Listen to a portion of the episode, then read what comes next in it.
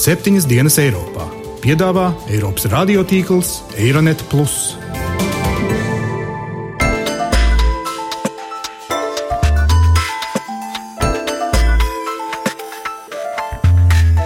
Šonadēļ septiņas dienas Eiropā dzirdēsim. We help Turkey and Turkey helps us. Tās attiecības arī bieži vien ir saspīlētas. Turkey is not giving much to these refugees. Pretrunā tām normām, kādas ir pieņemtas Eiropas Savienībā.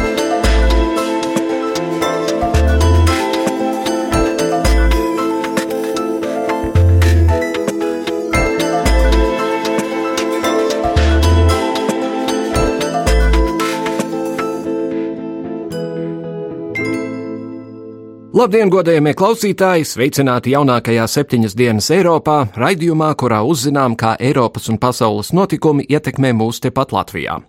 Vācijas kanclere Angela Merkele izraudzīta kā žurnāla Time gada cilvēks. Žurnāla redaktore pamatojusi šo izvēli, sakot, Šogad daudzi pasaules līderi saskārušies ar pārbaudījumiem, bet neviens tik ļoti kā Merkele. Gada sākumā bija Grieķijas ekonomiskā krīze un paralēli arī Ukrainas pamiera sarunas, tad nāca bēgļu krīze un gada noslēgumā vēl uzbangoja jauns terora vilnis Eiropā.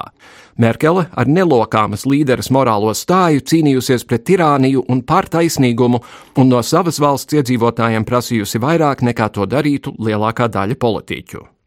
Nez vai Turcijas prezidents Erdogans un Krievijas prezidents Putins Merkelei šogad veltītu tikpat cildinošus epitetus.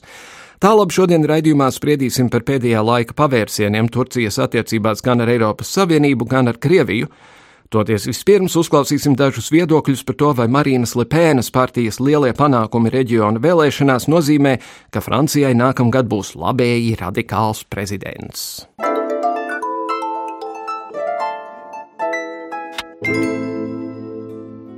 Lai gan pēc panākumiem Francijas reģionālās vēlēšanās Marinas Lepēnas Nacionālā fronte sevi jau dēvē par Francijas lielāko politisko spēku, ir maz ticams, ka viņa uzvarēs arī 17. gada prezidenta vēlēšanās.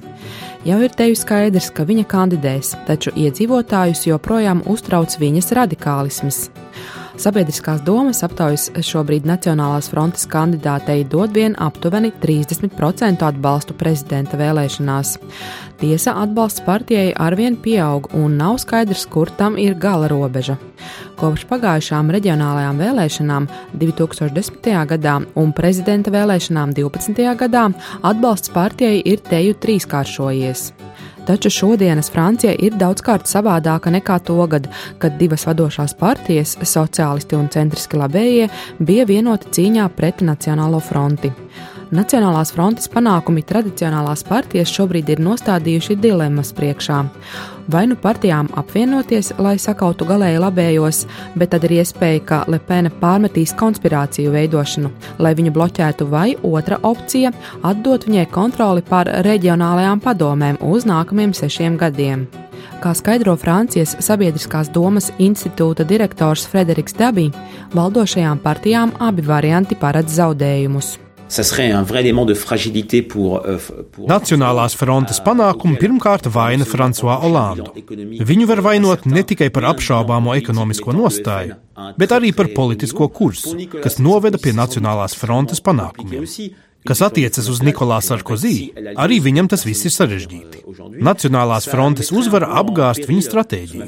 Kopš viņš atgriezās politiskajā spēlē, viņš to vien ir teicis, ka esmu atpakaļ, esmu šeit, lai uzvarētu, un atgriezt saskaņu manā politiskajā ģimenē prezidenta kandidāta Sarkozī pārstāvētie republikāņi ir atteikušies veidot alianses. Sarkozī sacīja, ka saprot Francijas tautas satraukumu, taču nekāda apvienošanās vai izstāšanās nebūšot. Skaidrība un pastāvīgums ir vienīgā politiskā izvēle kas nodrošinās jūsu reģionu, manu sabiedroto un Francijas intereses. Tā saucamā noliedzošā pieeja ir raidījusi pārmetumus Sarkozī virzienā, kurš cer kļūt par republikāņu kandidātu 2017. gada prezidenta vēlēšanās. Bijušais Francijas premjeras Žants Piers Rafarēns Radio Eiropa sacīja, republikāņi ir uz sabrukuma robežas. Tādēļ ir vajadzīga skaidra atbilde. Ja ir tik zemi panākumi, ir jāizstājas.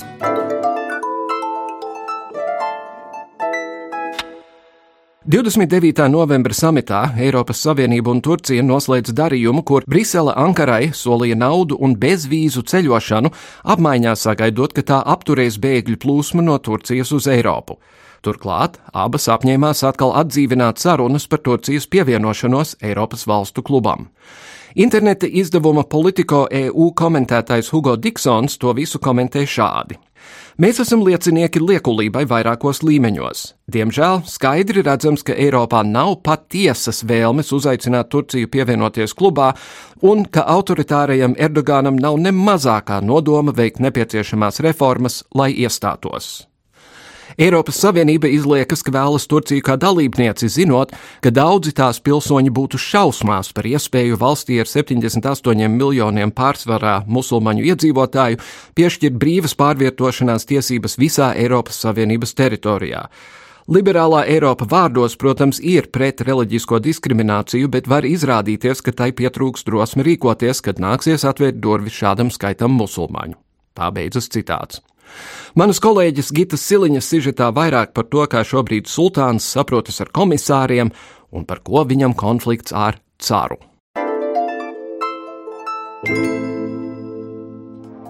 Eiropas Savienība un Turcija šādi nav runājušas vismaz 11 gadu. Briseles žurnālistiem novembra beigās atzina Turcijas premjerministrs Ahmeds Davutoglu.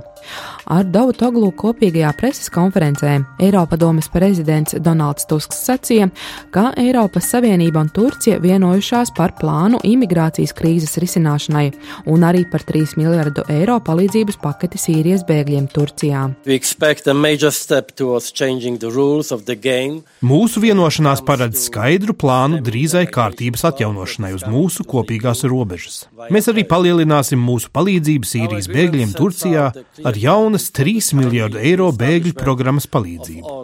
Eiropas Savienība piekritusi atvērt jaunu nodaļu iestigušajās Turcijas sarunās par pievienošanos blokam apmaiņā pret Turcijas sadarbību nelegālo imigrantu plūsmas samazināšanas labā. Vīzu nosacījumi Turcijas pilsoņiem, kas apmeklē Eiropas Savienības Schengen zonu, tiks padarīti vieglāk, sākot jau ar 2016. gada oktobri. Tāpat Tusks uzsvēra, ka Brisele vismaz reizi mēnesī rūpīgi uzraudzīs to, kādu progresu Turcija ir panākusi. Vienošanās tika nodēvēta par vēsturisku, tomēr par sarunu iznākumu izskanēja arī visai kritiski viedokļi. Piemēram, tika piesaukta vienošanās fonā esošā dubultmorāle, jo Turcija pēc savas tabulas liek dancot Eiropas Savienībai, kas tagad ir teju bezizējas situācijā. Taču skaidrs, ka kopumā šis ir viens no mazajiem, tomēr iespējams soļiem pret Turcijas iestāšanās Eiropas Savienībā. To priecīgi atzina Davutoglu.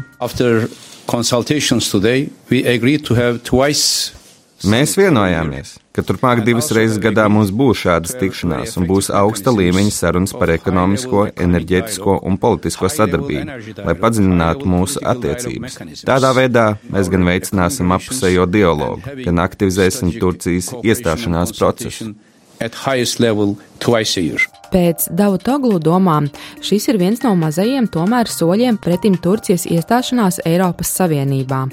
Jau iepriekš ziņots arī, ka pret Turcijas iestāšanos Eiropas Savienībā ir un bija asi noskaņotas daudzas valstis. Visbiežāk Turcijai pārmesti cilvēktiesību pārkāpumi, arī pārāk lielā armijas loma politikā un konflikti ar kurdu minoritāti. Daudzu gadu ilgais process ir bijis sāpīgs, lēns un pretrunīgs. Tālāk šāda jaunas nodaļas atvēršana ielgušajās Turcijas sarunās par pievienošanos ir būtisks solis.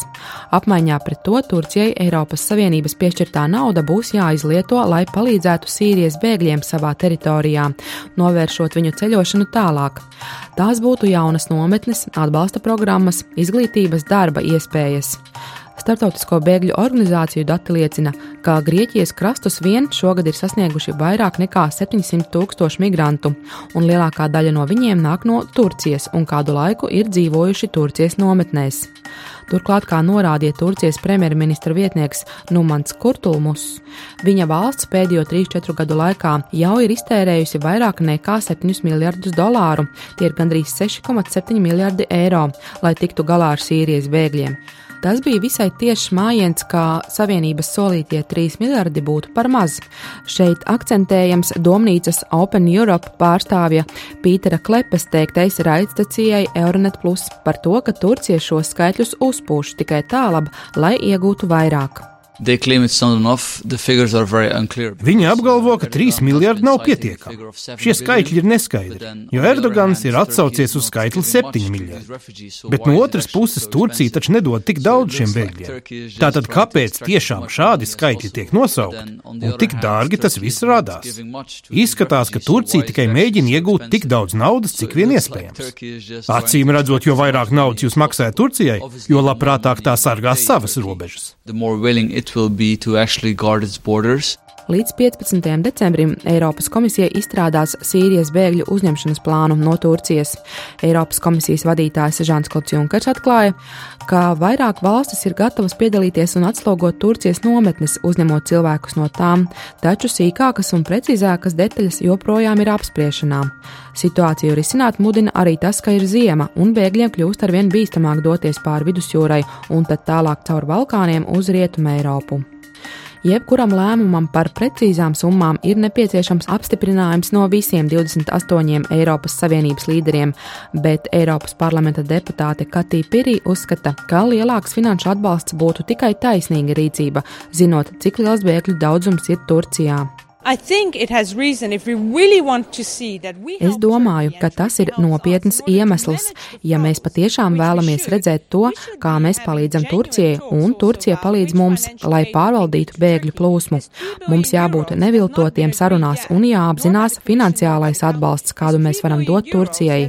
Ja paskatās uz šo skaitli 2,2 miljonu bēgļu Turcijā, tad ir skaidrs, ka mums viņiem ir jāpalīdz finansiāli it's obvious that we will have to help them also financially. Tā Katī Pirī. Tikmēr Vācija, kura visai tieši ir saskārusies ar vislielāko iebraucēju pieplūdumu, vēlas, lai katra Eiropas Savienības valsts iemaksātu savu daļu - 3 miljardu eiro palīdzības paketē Sīrijas bēgļiem Turcijā, norādot, ka šajā gadījumā runa ir par Eiropas stabilitāti. Visām dalību valstīm vajadzētu piedalīties šo 3 miljardu eiro finansēšanā, laikrakstam Süddeutsche Zeitung norādīja Finanšu ministrijas valsts sekretārs Jens Spāns. Ne visas Eiropas Savienības valstis gatavs maksāt savu daļu no 2,5 miljardiem, jo komisija kā savu solījusi tikai pusmiljardu. Turpinot par Vācijas lomu notikumā, kanclere Angela Merkele bija tā, kur oktobrī tikās ar Turcijas prezidentu Radžepu Taipu Erdoganu pēc viņa paša lūguma atbalstīt Turcijas iestāšanos Eiropas Savienībā. Erdogans pavēstīja, ka viņš to lūdzis arī Francijai, Lielbritānijai un Spānijai. Turcija vēlas, lai apmaiņā pret palīdzību bēgļu jautājumos Eiropa jau ar nākamo gadu atceltu vīzu režīmu. Merkele ir sacījusi, ka var solīt vien ieviest Vācijā pātrinātu un atvieglotu vīzu izskatīšanas režīmu Turcijas pilsoņiem, tomēr par pārējām Schengenas zonas valstīm viņa neuzņemas runāt. Līdz šim bija paredzēts, ka bezvīzu režīms starp Turciju un Schengenas valstīm varētu stāties spēkā ne ātrāk kā 17. gadā. Tikmēr Eiropas Savienības un Turcijas saistībām līdzās ir arī Turcijas un Krievijas bīstamie sakari. Agrāk draudzīgās valstis tagad viena otrai demonstrē muskuļus. Sankcijas, apvainojumi, neusticēšanās, arī naftas sadarbības joma klibo. Abu valstu attiecības ir būtiski pasliktinājušās kopš Turcijas iznīcinātāji 24. novembrī pie Sīrijas robežas notrieca Krievijas bumbvedēju, kurš, kā paziņoja Turcija, bija pārkāpis pēdējās gaisa telpu. Krievija to, protams, noliedza, lai gan sen zināms, ka šai valstī patīkas provocēt galējībās. Konfliktam turpinoties, abu valstu galvas, Sultāns Erdogans un Cārs Putins, kā viņus jau pagūši nodēvēt masu mēdīji, pastāv katrs uz savu pozīciju, viens otram norādot uz vainām un rīcībām, kas nemaz nav sevišķi atšķirīgas.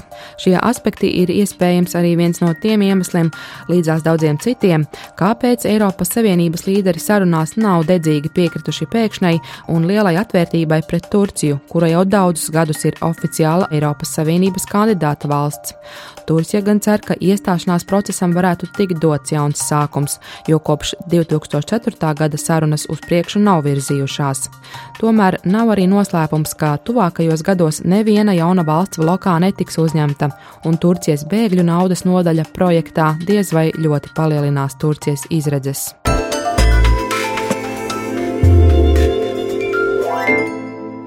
Lai noskaidrotu, par ko tad īsti tika panākta 3 miljārdu eiro vērtā vienošanās starp Eiropas Savienību un Turciju, un vai 40 gadus ielgušais Kipras jautājums beidzot šķiet atrisināts, lai Turcija var stāties Eiropas Savienības biedru rindās, esam studijā aicinājuši Latvijas ārpolitikas institūta asociēto pētnieku Māri Anžānu. Labdien!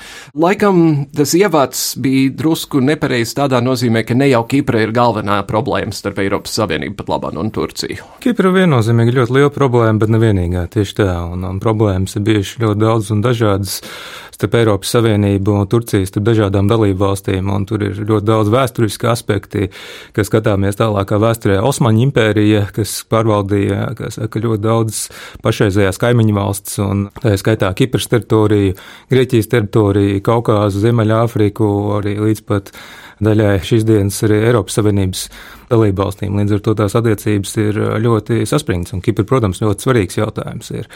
Jo, ja Kipra 1974. gadā notika apvērsums, kur Kipras Grieķija mēģināja noteikt virzību uz Grieķiju, tad pievienoties Grieķijai 14 gadus pēc neatkarības atgūšanas, tad Turcija reaģēja ar militāru iebrukumu, un, un, un tā rezultātā joprojām Kipra ir sadalīta divās daļās. Ir oficiālā Kipra, kas eh, skaidās eh, formāli, ka pārvalda it kā visu Kipru, bet praksē pārvalda tikai aptuveni 60%.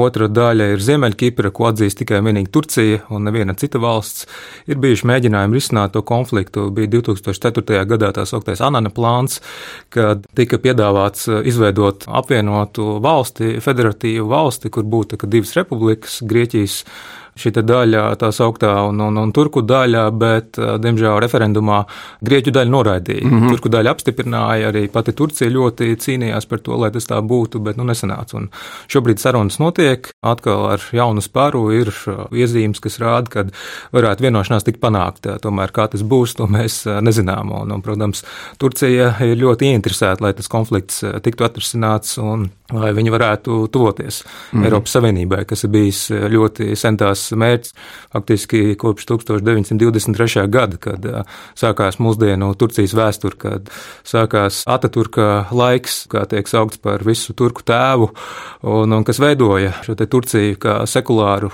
jeb laicīgu valsti ar skatu uz rietumiem, pretstatā tam, kāda Turcija bija iepriekš. Jā, Amerikas ārlietu ministrs Kerijs pagājušajā nedēļā teica, ka viņa prāt pat labi ir labākas izredzes nekā jebkad pirms tam šo lietu atrisināt. Kas jūsuprāt ir noticis tāds, kas, kas beidzot tās divas puses ir tuvāk saviedis? Nu, tur ir dažādi jautājumi. Viens ir, kad ir abām pusēm, gan Ziemeļkiprai, gan oficiālajai Kiprai, tā jāsaka, ir šobrīd līderi, kas ir labēlīgi noskaņoti attiecībā uz apvienošanos. Neksim, tā Grieķijas daļa varbūt mazāk, ja Grieķu daļa ir bijusi ieinteresēta, bet vairāk turku daļa apvienoties, jo viņiem ir diezgan grūti ir ekonomiski pastāvēt izolācijā. Tad, tad ir dažādas, kā saka, ierobežojumi vērsti pret šo daļu. Protams, tā ir viena lieta, līderi, jā, jau kā minēju, un, un, un tāpat arī ārējās, kas saka, varas, jeb, jeb Turcija, kurai tas ir svarīgi, lai tā lieta virzītos uz priekšu, tad arī vēl iespējams gāzes atradnes netālu no Kipras, kur varētu būt diezgan problemātiska iegūja, ja netiek panākt vienošanās, kā teritorijā tas ir arī, tas tiek minēts, un, un protams, vēl Kipra diezgan smagi cieta no finansiālās krīzes, kas salīdzinoši nesen bija Eiropā un pasaulē, un, un kas arī diezgan pamatīgi ietekmē ekonomiku, un, un līdz ar to ir jāmeklē jauni veidi, kādā attīstīties, iet uz priekšu. Bet tās izredzes panākt vienošanos jāvērtē arī diezgan piesardzīgi, jo pats galvenais būs pārliecināt Kipras grieķu daļu par to, ka šī vienošanās jāpieņem. Jo 2004. gadā referendumā tika pateikts diezgan pārliecinoši -hmm. nē. Un, līdz ar to ir jāatrod kaut kas tāds, kas apmierinātu viņus, un tajā pat laikā kaut kas tāds, kas apmierinātu arī turku daļu. Un, un, un cik es zinu, arī viens no galvenajiem jautājumiem šobrīd ir īpašumi, restīvi īpašumu atdošana to iepriekšējiem īpašniekiem, jo iepriekš jau nebija gluži tā, ka šie turku cilvēki dzīvoja ziemeļos un nekur citur, vienkārši bija izkliedēts par visu, visu teritoriju, un, un man liekas, ka aptuveni 200 tūkstoši cilvēki no dažādām vietām pārviet, tika pārvietoti pēc pēc eh, Turcijas eh, iebrukuma 74. gadā un, un attiecīgi uz turku daļu. Gan, gan bija gan, gan uz, uz grieķu daļu, gan uz turku daļu, nu, restīvi, attiecīgi atbilstoši etniskam principam vai pēc reliģiskās piedarības, tad pārcēlās, lai, lai nebūtu problēmas. Jo iepriekš arī gan Britu impērijas valdīšanas laikā Kiprā, gan arī pēc tam bija dažādi nemieri, bija, nu, kā saka, savstarpēji konflikti un, un, un skaidrs, ka varētu būt neomolīgi atstāt, nu, šādas te anklāvus vienā vai otrā pusē. Pēc jūsu izpratnes, ja tas notiks un tiks veidot šī federatīvā viena valsts, vai tas nozīmē, ka Ziemeļa Kipra automātiski iestāsies Eiropas Savienībā kā Kipras sastāvdaļa, vai būtu jābūt kaut kādam citam procesam? Faktiski šobrīd jau arī, ja mēs paskatāmies uz Kipras karogu, tad uh, Kipras karogā ir visa sala, visa salas teritorija. Nu, un faktiski jau arī visa Kipra skaitās kā Eiropas Savienības sastāvā, bet nu, attiecīgās normas, protams, nedarbojās uh, Ziemeļkipras uh, teritorijā. Bet vēl arī interesanta lieta, ka joprojām Kiprā ir Lielbritānijas militārās bāzes, kas ir nu, diezgan, diezgan liela teritorija, nu, relatīvi aizņem, varētu būt zem pāris procentiem. Līdz ar to tad, tas arī ir jautājums, kādā veidā notiek šī integrācija Eiropas Savienībā. Pēc tam, domāju, vairāk praksē, kā tas notiek. Mm -hmm. Jo viens jau ir nu, vienkārši pateikt, ka likumi tādi un tādi ir piemērojami tagad, bet kā tas īstenotos, nu, to grūti pateikt. Vienā dienā droši vien tas nevarētu pēkšņi notikt efektīvi. Kā amerikāņi saka, vēlns slēpjas detaļās tā, šādos jā. jautājumos. Ko nozīmē tas, ka Turcijai pat labam ir tāds diezgan autoritārs sultāns, kurš pats pa savu galvu diezgan daudz rīkojas, kurš cenšas pārņemt visu savu valsti? Tas runā pretī Eiropas vērtībām. Jā, tas ir viens no tiem saka, citiem aspektiem, kas šobrīd uztrauc Eiropas Savienību saistībā ar iespējamu atkal tuvināšanos starp Eiropas Savienību un Turciju. Jo Erdogans iepriekš bija Stambuls mērs, pēc tam ilgstoši bija premjers, tagad prezidents kā saka, viņa partija, Taisnīga un attīstības partija, ir ieguvusi vairākumu pēdējās ārkārtas vēlēšanās, ir ļoti stingras pozīcijas, ir dažādi, kā saka, Eiropas Savienības izpratnē ir nu, nepieņemamas kustības notikušas, lai ierobežot vārdu brīvību. Esam dzirdējuši pat Twitter, YouTube par citu dažādu sociālās saziņas vietņu bloķēšanu, kas, protams, iet pretrunā tām normām, kādas ir pieņemtas Eiropas Savienībā. Tāpat arī Turcijā ir bijis aizvien lielāks uztraukums par iespējamu valsts valsts islamizācija, jo arī atskatās uz tās taisnīguma un attīstības partijas saknēm, tad arī ir zināms diezgan redzams saiknes ar, ar eksim, mazāk šo sekulāro, jeb laicīgo daļu, bet vairāk reliģisko daļu. Jā, es atceros, bija liels skandāls, ka premjerministra sieva parādījās Lakatā, tad, tad bija liels tracis Turcijā. Manuprāt, arī, ka Latvijā bija arī Erdogans, ka viņa sieva arī bija Lakatā, ja, ja nekļūdos, nu, kas arī zināmā varbūt iezīmē, uz kurieni, kas raugās, jo Ataturka laikā, kad pašreizējā Turcija tika izveidota, kāda viņa ir, tad tieši notika pretēja virzība tālāk no austrumiem uz rietumiem. Un tā šobrīd arī ir Eiropas Savienībai un ne tikai diezgan liela dilemma Eiropas Savienība ir bijis mēģis dažādos mēķos, eh, dažādos veidos. Turcijai jau 60. gados tika noslēgts asociācijas līgums, Turcija iesniedz pieteikumu dalībai Eiropas Savienībā 87. gadā, pēc 12 gadiem ieguva kandidātu valsts statusu, sarunas tika sākts eh, tikai vēl pēc sešiem gadiem, un ļoti lēni tas process iet. No vienas puses, tas, kas ir eh, Eiropā, arī jāsaprot, ka, eh, ja Turcijai netiek atrasts kāds eh, alternatīvs status, kā tuvināties Eiropas Savienībai, viņi var aiziet citā virzienā, kas arī nebūtu labi. Jo, nu, jāatcerās, ka arī Turcija, protams, ir NATO dalība valsts, bet Turcija, tas, ko mēs redzam tieši bēgļu krīzes kontekstā, ir ļoti būtisks posms. Bez Turcijas faktiski nav iespējams apturēt bēgļu plūdus uz Eiropu. Un cik lielā mērā var teikt, ka tādā nozīmē Erdogans pat labi šantažē Eiropu, sakot, nāciet man pretī, vai arī manas robežas būs eh, plūstošas? Nu, jā, faktiski no malas daudzajā ziņā tā arī izskatās, ka uh, Turcija šobrīd izmanto savu faktisko ietekmi, savu faktisko varu situāciju. Jo citādāk Turcija tāds bieži vien ir izskatījies kā tāds brīvi caurstaigājams koridors gan uz vienu, gan uz otru pusi. Jo bēgļi diezgan viegli, nu, relatīvi, protams, viegli nokļūst Grieķijā vai nu pa sauszem vai pāri pa jūru. Protams, tur tie attālumi nav tik lieli, bieži vien tikai pāris kilometri. Šis krasts atrodas viens no otrā. Tā ir viena daļa, bet no otras puses arī ja skatāmies uz šo daļu, jeb islāma valsti, kā tad tie daudzie kaujinieki tur nonāk. Un, un Un, un tad bieži vien arī parādās, ka cilvēks brauc uz Turciju un tur arī pēdas pazūd. Tālāk dodas Turcijas dienvidiem un diezgan viegli tur nokļūst. Līdz ar to šeit arī var skatīties nu, no dažādiem skatu punktiem, kad iespējams Turcija arī ir daudzajā ziņā pievērusi acis un saskatījusi šo iespēju. Un šobrīd pēc tās pēdējās vienošanās, kāda ir panākta starp Turciju un, un Eiropas Savienības līderiem, tā arī izskatās, ka Turcija var daudz ko iegūt, ko varbūt viņi nevarētu iegūt citos apstākļos. Viens ir runa par iestāšanās saruna, kā saka, atdzīvināšanu, atsvaidzināšanu, tāpat arī par bezvīzu režīmu, kur gan Turcijai ir jāizpilda zinām nosacījumi. Protams, finansiālā palīdzība 3 miljārdu apmērā, kas droši vien arī vēl nebūs pēdējais, līdz ar to, Turcija daudzajādā ziņā skaidrs, ka liek uz galda to, ko viņi var piedāvāt, un, un, un protams, arī pretī kaut ko grib par to. Bet es pieļauju, ka bezvīzu režīms nenozīmē Schengenu. Tas nenozīmē, bet vienalga būtu kontrolas attiecībā uz, uz Turcijas pilsoņiem. Viens ir, ka bez vīzes, bet, protams, tikko ienāk Schengenā, nu, notiktu kontrola kā tāda, bet nu, tālāk kā, kā saka, būtu viennozīmīgi viņiem daudz vieglāk iekļūšana Eiropas Savienībā. Nevajadzētu pieteikties vīzai un, un visam pārējiem, bet tur ir nu, pietiekami arī nopietni kriteriji, kas Turcijā jāizpild. Mm -hmm. Eiropas Savienība bezvīzu režīms nedāvā. Tāpat to mēs redzējām gan par Gruziju, gan par Ukrainu. Rīgā Austrum partnerības samitā, kad partneri cerēja, ka būs šī iespēja, bet ar politiskiem lēmumiem tur vien nepietiek. Tur jābūt ļoti nopietniem kritērijiem. Īpaši, ja paskatāmies arī uz Turcijas kaimiņiem - Sīrija, Irāka. Irāka, Irāna un, un, un zinām, kas notiek vismaz divās no šīm valstīm, kad līdz ar to ir zinām arī bīstamība šeit. Vai pati Turcija zināmā mērā ir terorisma perēklis? Kaut kā nav īpaši dzirdēts, ka no pašas Turcijas rastos tie, kas, piemēram, Parīzē spridzina vai kaut kā citādi nu, uzdarbojas. Nu, Turcija jau, diemžēl, pati kļuva par upuri šogad vismaz diviem lieliem sprādzieniem. Viens bija, šķiet, jūlijā, bija Turcijas dienvidos pie robežas ar Sīriju, un, un pēc tam arī salīdzinoši nesen sprādziens bija Ankarā notika, kur iespējami Islāma valsts teroristi veic šos te terora aktus, bet tādā ziņā diez vai varētu teikt, ka Turcija būtu kaut kāds perēklis tajā ziņā.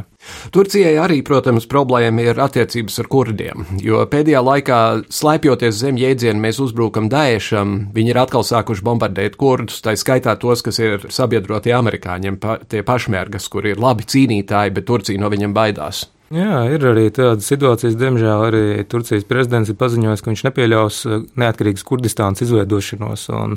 Tas arī ļoti sāpīgs temats papildus daudziem citiem reģionā, jo, cik zinām, tad uh, kurdi ir lielākā tauta pasaulē bez savas valsts. Un, un te, teiksim, kā mēs kā latvieši varam būt pateicīgi, ka mums ar saviem diviem miljoniem ir valsts, bet uh, kurdiem nav un ir izklaidēti diezgan plašā teritorijā. Jā, bet arī attiecības ar kurdiem ir diezgan saspīlētas. Ir uzbrukumi veikti no Turcijas armijas puses attiecībā pret kurdiem, un kas vēl vairāk sarežģīja šo situāciju reģionā. Jo sanāk, kad eh, Sīrijā, Irākā brīžiem sajūta ir, ka eh, visi karo pret visiem, ir, ir ļoti dažādas intereses un, un nespēja vienoties savā starpā. Tā skaitā dažos brīžos amerikāņi pat ar Irānu ir sabiedrotie. Jā, tā sanāk, ir gan Krievija iesaistīta, gan Irāna, kas atbalsta valdības spēkus eh, Sīrijā, tāpat Irāna atbalsta arī Irākas valdību un, un Irākas valdību atbalsta arī amerikāņi. Jā, un, mm -hmm. Tad tāds kā koalīcija. Un, un tad arī Turcija, Jemenā protams, viņi ir uz vienu roku. Nu, jā, tā kā bieži vien ir tā, ka tās attiecības grūti nosakāmas, un reizēm arī varbūt izdevīgums valda ne tik daudz arī principi. Jūs pieminējāt Grieķiju. Sen nav dzirdēts nekas īpašs par Grieķiju. Bija tas, tas trakais laiks, kad to trako cilvēku ievēlēja par premjerministru, bija vēl vienas vēlēšanas, un, un kopš tā laika nekas nav dzirdēts. Bet cik lielā mērā Grieķija šeit spēlē lomu? Jo Grieķu spīts ir redzams, piemēram, tajā apstākļā, ka nabaga Maķedonijai vēl līdz šai dienai ir starptautiski jābūt pazīstamai ar jēdzienu bijusī Dienvidslāvijas republika Maķedonija, jo Grieķi ir iedomājušies, ka maķedonieši mēģinās pārņemt visu Grieķiju, kas ir muļķīgi bet iecirtīgi. Grieķijas attiecības ar Turciju arī diezgan nu, vēsturiski senas, jo bija Grieķijas teritorija, bija Osmaņu impērijas sastāvā līdz 19. gadsimta pirmajā daļā, man liekas, ka bija 1832. 52. gadā, kad Grieķi izcīnīja neatkarību, un, un tad tas vēl, tās vēl nebija pašreizējās robežas, un, un man liekas, ka pēc tam nav bijis tā, ka četros karos viņi ir karojuši Grieķi ar Turkiem. Mm -hmm. Līdz ar to tās attiecības arī bieži vien ir saspīlētas, un bija, man liekas, 90. gados, kad Grieķija notrieca arī Turcijas iznīcinātājiem, vēl bija pat šajā gadsimtā, kad divi iznīcinātāji sadūrās, ka tur pastāvīgi notiek visādas saka, konfrontācijas. Neskatoties uz to, ka abas divas valstis ir NATO dalība valsts no 1952. gada. Nu, tās attiecības arī visu laiku bijušas nemierīgas, bet nu, īpaši saistībā ar, ar Kipras gadījumu. Nu, jā. Pats esmu sēdējis dažādās sanāksmēs Eiropas Savienībā, kur kiprieši vai grieķi īpaši asi reaģē visur, kur tiek Turcija pieminēta, jebkādā veidā, kad nu, vienalga, cik tas pamatot vai nepamatoti. Ko, ko gal galā nozīmē Krievijas iesaistīšanās, jo Krievijas attiecības ar Turciju tagad ir gandrīz pilnībā sabrukušas, un Krievija pati pa savu galvu tur ņemās arī pa tuvajiem austrumiem. Krievija, protams, ir ļoti gudrs taktisks gājiens iesaistīšanās eh, Sīrijas gadījumā, gan lai noņemtu uzmanību no Ukrainas konflikta, kas ir veiksmīgi izdevies, gan tagad, kā saka, piedāvā to startautiskajā koalīcijā. Zinām, kad pēc Parīzes terora aktiem uzreiz bija Krievija viena no pirmajām, kas bija gatava kā, doties palīgā, sadarboties ar Franciju dažādos veidos, un eh, Krievija, protams, viss sarežģīja vēl vairāk, jo jau vien brīdi izskatījās, ka Asad režīms nespēs noturēt rīkoties, neskatoties to, ka Krievija acīm redzams sniedz atbalstu tāpat ieroču veidā un, un, un dažādos citos veidos, tad tagad ir redzams, ka nu, notiek virzība, tā teikt, Asadam par labu, kad Asads ir, ir, ir stiprināts ar Krievijas gaisa spēku atbalstu, un, un, un tas arī daudzajādā ziņā rada problēmas reģionā. Un kā tas tālāk attīstīsies, tagad ir pat vēl grūtāk mm. saprast. Un, ja ir novērsta uzmanība Ukrainai, vai mums ir vairāk jābaidās? Mm, viennozīmīgi, jā, jo atmiņa jau cilvēkiem ir parasti īsa gan par iepriekšējām vēlēšanām, gan arī par iepriekšējiem konfliktiem. Un tas, kas ir redzams arī Krievijā, kad bija šī nesenā ikgadējā Putina uzruna, tad Ukraina vispār nepieminēja kā tādu. Tagad ir jauns ārējais ienaidnieks, tā ir Sīrija. Nu, un Ukrainā viss klusi turpinās, un pasaules uzmanība vērsta uz, uz Sīriju, un tas arī līdzīgi kā bija no sākuma bija Krimas okupācija, pēc tam Austrum Ukraina. Šobrīd arī jā, tiek diskutēts bieži vien par sankciju atcelšanu ko ir noteikusi Eiropas Savienība, tiek piesaukt Minskas vienošanās. Bet nu, Minskas vienošanās jau vairāk par to austrumu Ukrainu, ka Krīma zināmā mērā jau tiek pieņemts, jau ka tas ir aizgājis. Mm -hmm. Jautājums līdz ar to, to, ko pretendē Krievija šobrīd, eh, sakot, ka eh, mēs gribam strādāt kopā, cīnīsimies pret eh, teroristiem, tas varētu būt kaut kāds darījums, ko viņi sagaida, ka mēs palīdzam jums, jūs noņemiet sankcijas un, un aizmirstiet zināmā mērā par Ukrainu. Un to priecīgo domu mums ir pār aptrūcies laika. Latvijas ārpolitikas institūta asociētais pētnieks Māris Anģēns. Sirsnīgs paldies par sarunu. Paldies! Afroamerikāņu cilvēktiesību kustības aktīvists mācītājs Mārtiņš Luters Kings reiz skaļi pauda: Ar tumsu nekliedēs tumsu, to var veikt tikai ar gaismu, ar naidu neaizdzīs naidu, to var panākt tikai ar mīlestību. Mums septiņas dienas Eiropā arī ir kāds sapnis. Pēc nesen notikušās apšaudes San Bernardino pilsētā, Kalifornijā, ASV, viens no Republikāņu partijas iespējamiem prezidenta kandidātiem, Donalds Trumps, aicinājis aizliegt musulmaņu iebraukšanu ASV. Notikumu komentē žurnālists Pauls Rauceps. Es sākšu ar komentāriem, ko ir izteikuši cilvēki, kurus nekādi nevar uzskatīt par kaut kādā veidā mīkstmiešiem vai sevišķi pat labēlīgi noskaņotiem pret islāma radikāļiem. Pentagons paziņoja, ka Trumpa izteicieni apdraud Amerikas drošību, jo viņi tieši atbalsta Daesh, jeb ko citu sauc par islāma valsts narratīvu, radot priekšstatu, ka rietumi ir neizbēgami agresīvi noskaņot pret musulmaņiem. Tiks Čēnīs, Buša viceprezidents, kurš spēja attaisnot spīdzināšanu, kurš bija viens no galvenajiem Irākas kara ierosinātājiem, pateica, ka tas, ko Trumps ir pateicis, ir pilnīgi pretrunā ar visām Amerikas vērtībām, ka nevar vienkārši reliģijas dēļ kādiem liekt ieviešanu. Tā, ka mēs redzam, ka pat tie cilvēki, kas vislielākā mērā ir atbildīgi par Amerikas drošību un citi, kas ļoti stingri pārstāv ļoti konservatīvas spānu Amerikas politikā nosoda Trumpa šito, tad mēs redzam, ka tas ir pilnīgi ārpus jebkādas ierastās, normālās politiskās diskusijas, tas, ko viņš ir pateicis. Protams, ir Amerikā arī pēc krīzes ir cilvēki, kuri ir neapmierināti ar savu ekonomisko stāvokli, un Trumps ļoti cenšas viņus uzrunāt, izmantojot ksenofobiju. Viņš sāk ar meksikāņiem, izplatot visādus uh, pamatots un aizvainojošs un rasistisks uh, izteiciens par uh, meksikāņiem, kas brauc uz Ameriku. Tagad viņš ir vērsies pret musulmaņiem. Viņš cer ar ksenofobiju un naidu kurināšanu gūt atbalstu. Es neticu, ka viņš var tikt ievēlēts, jo tas noteikti vairākums amerikāņu to neatbalstīs. Bet kaut vai tāpēc, ka jau tagad, ja mēs tā skatāmies Amerikā, tā arī tautas skaitīšanās prasa, teiksim, cilvēku izcelsme, nu, teiksim, var rakstīt baltais vai melnais vai kas cits, nu, Baltijā jau tagad ir tūlīt ja tikai puses no Amerikas iedzīvotājiem, tā ka aizvainojot cilvēkus no citām etniskām grupām, viņš nekādu nevar gūt vairākumu, bet, protams, tas sāsina politisko atmosfēru pašā Amerikā, tas arī dod iespēju cilvēkiem, kuri grib uzbrukt Amerikai, teikt, redziet, redziet, ko viens no Amerikas vadošiem cilvēkiem saka, tas ir iemesls, kāpēc mums ir jācīnas pret viņiem. Un es domāju, ka nepārprotams šāda veida izteicieni nāk par sliktu gan Amerikai, gan Rietumiem, jo tie tieši vairo šo konfliktu. Viņi lej eļu uz uguns, nevis mēģina kaut kādā pašā situācijā atrisināt.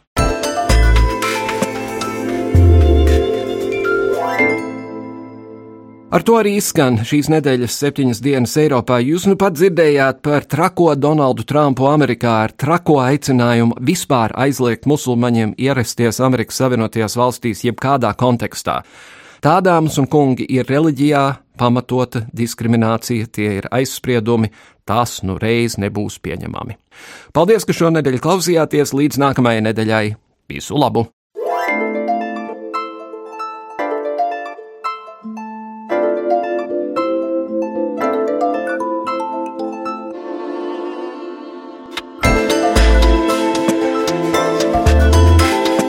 Raidījumu veido Kārlis Streips, Gita Siliņa un Jānis Krops. Producents Lukas Rozītis.